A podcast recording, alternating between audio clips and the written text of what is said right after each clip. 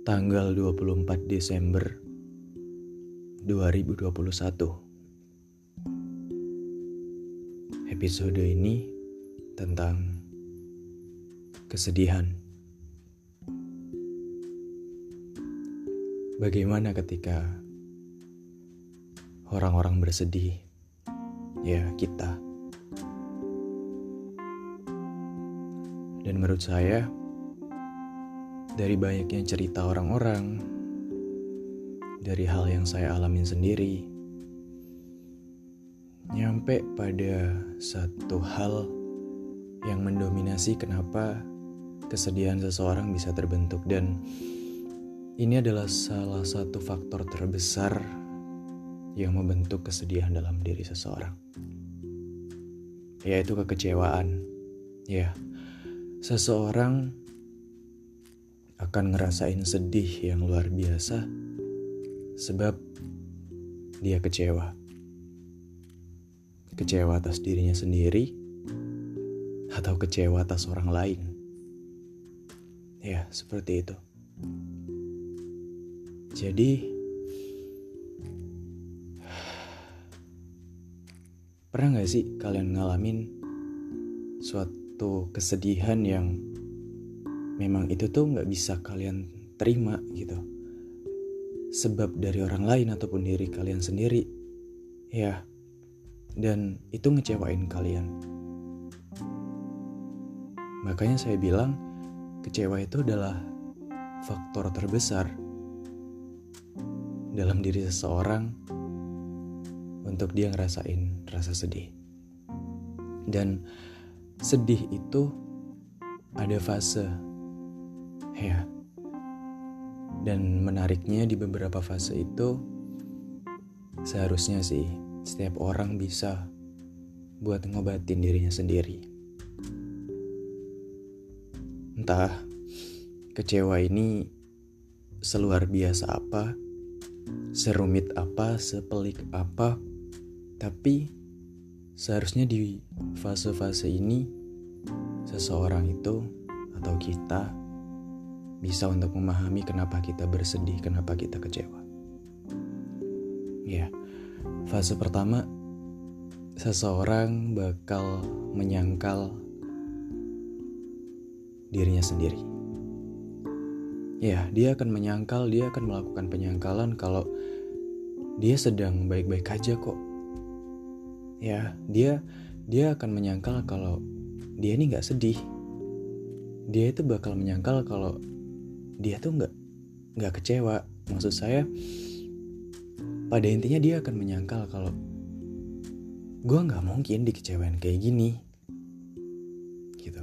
Padahal gue udah berusaha baik ke orang-orang.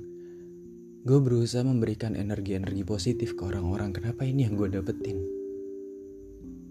Kayak dia nggak percaya gitu. Ini beneran terjadi sama diri gue. Kok bisa? Ya penyangkalan dia akan menyangkal bahwa dia sedang bersedih. Gua gak boleh sedih. Kenapa sih gue sedih? Kenapa sih gue kecewa? Ini fase pertama. Dan yang kedua, ini berkaitan tentang perasaan seseorang. Ketika dia sedih, di fase kedua inilah seseorang akan ngerasain emosi, amarah. Ini adalah tentang seseorang menyalurkan bagaimana perasaan yang dia dapetin, bagaimana perasaan yang dia rasain. Ya, bisa berbentuk amarah, sedih, putus asa, kacau. Di fase ini, seseorang bakal ngerasain kekalutan yang luar biasa. Ya, apalagi setelah muncul penyangkalan di fase pertama tadi kayak dia nggak bisa nerima gitu.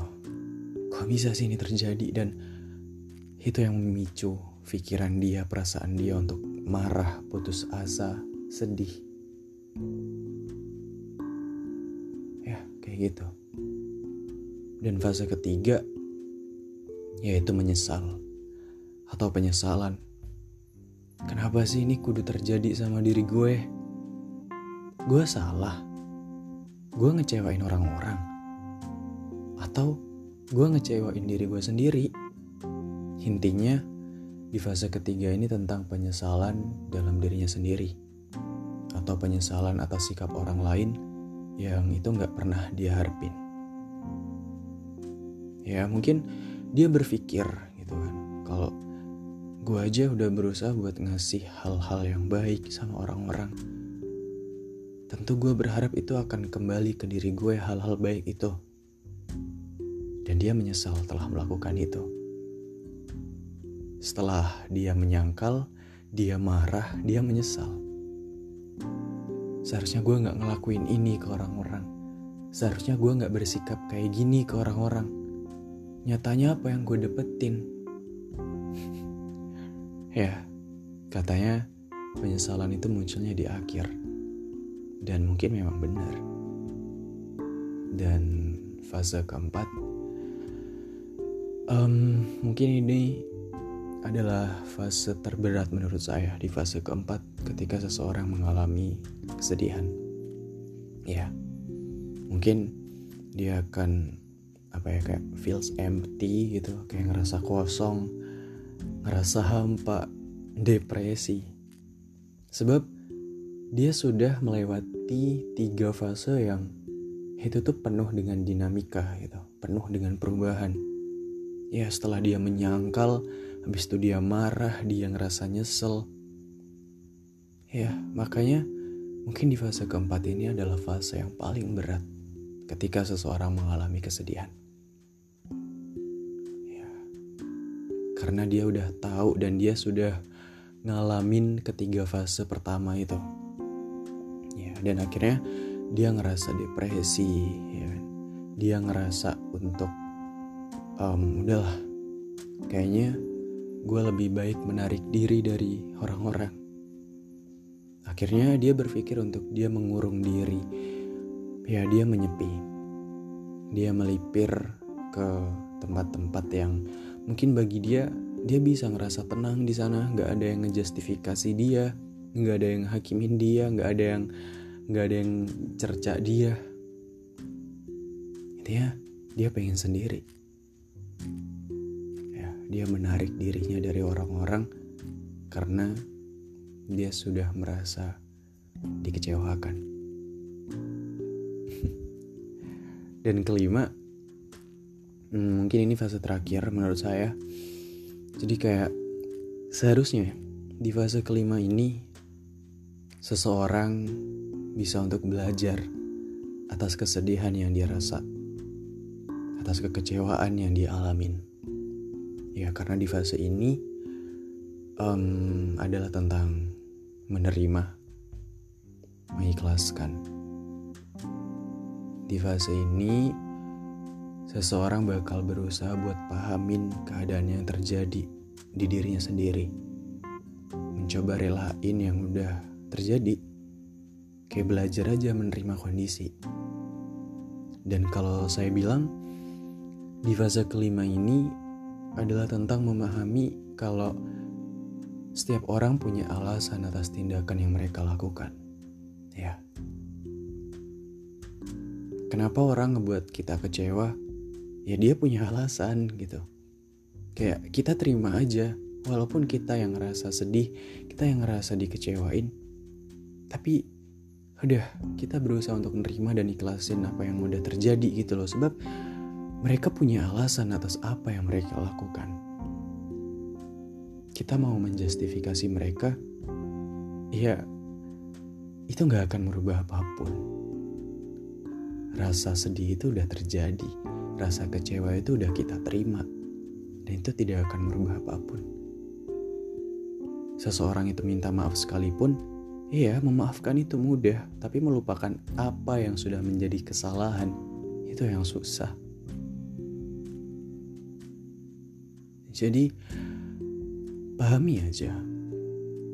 Pahami, terkadang apa yang di luar diri kita emang itu nggak bisa buat kita kendaliin. Kita nggak punya kuasa atas apa pun yang akan dilakuin seseorang sama diri kita.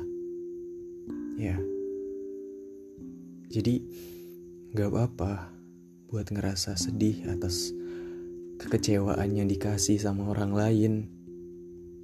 Semuanya pernah kok ngalamin itu.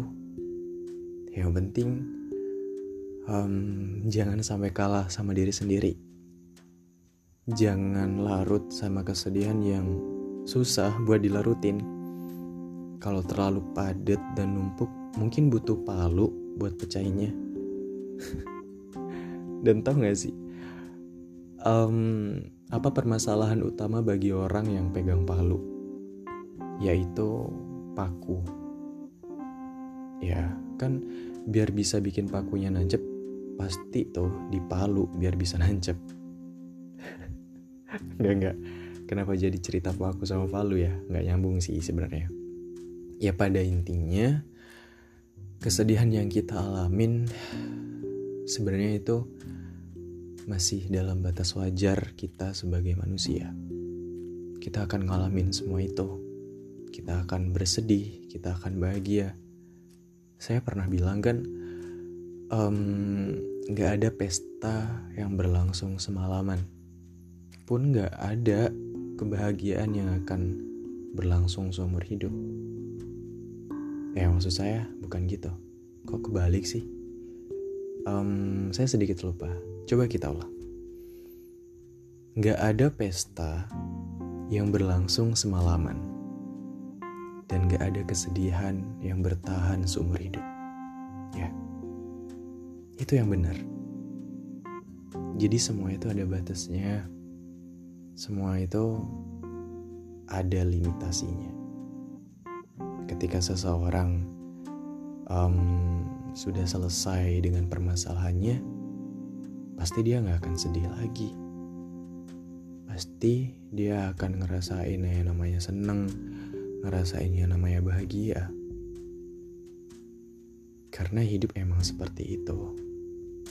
Gak mungkin dalam seumur hidup kita akan ngerasain sedih terus. Gak mungkin dalam seumur hidup kita bakal ngerasain bahagia terus. Gak mungkin. Gak seru kalau kita hanya ngerasain satu perasaan. Kayak hidup tuh dinamika gitu loh, penuh dengan perubahan.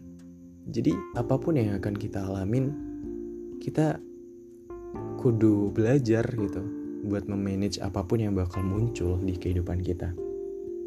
Baik itu rasa bahagia, kalau bahagia jangan berlebihan. Baik itu rasa sedih, kalau sedih juga jangan berlebihan. Karena yang berlebihan tuh kan gak baik katanya gitu. Jadi mulai belajar ya. Belajar buat memanage apa pun yang bakal muncul di kehidupan kita.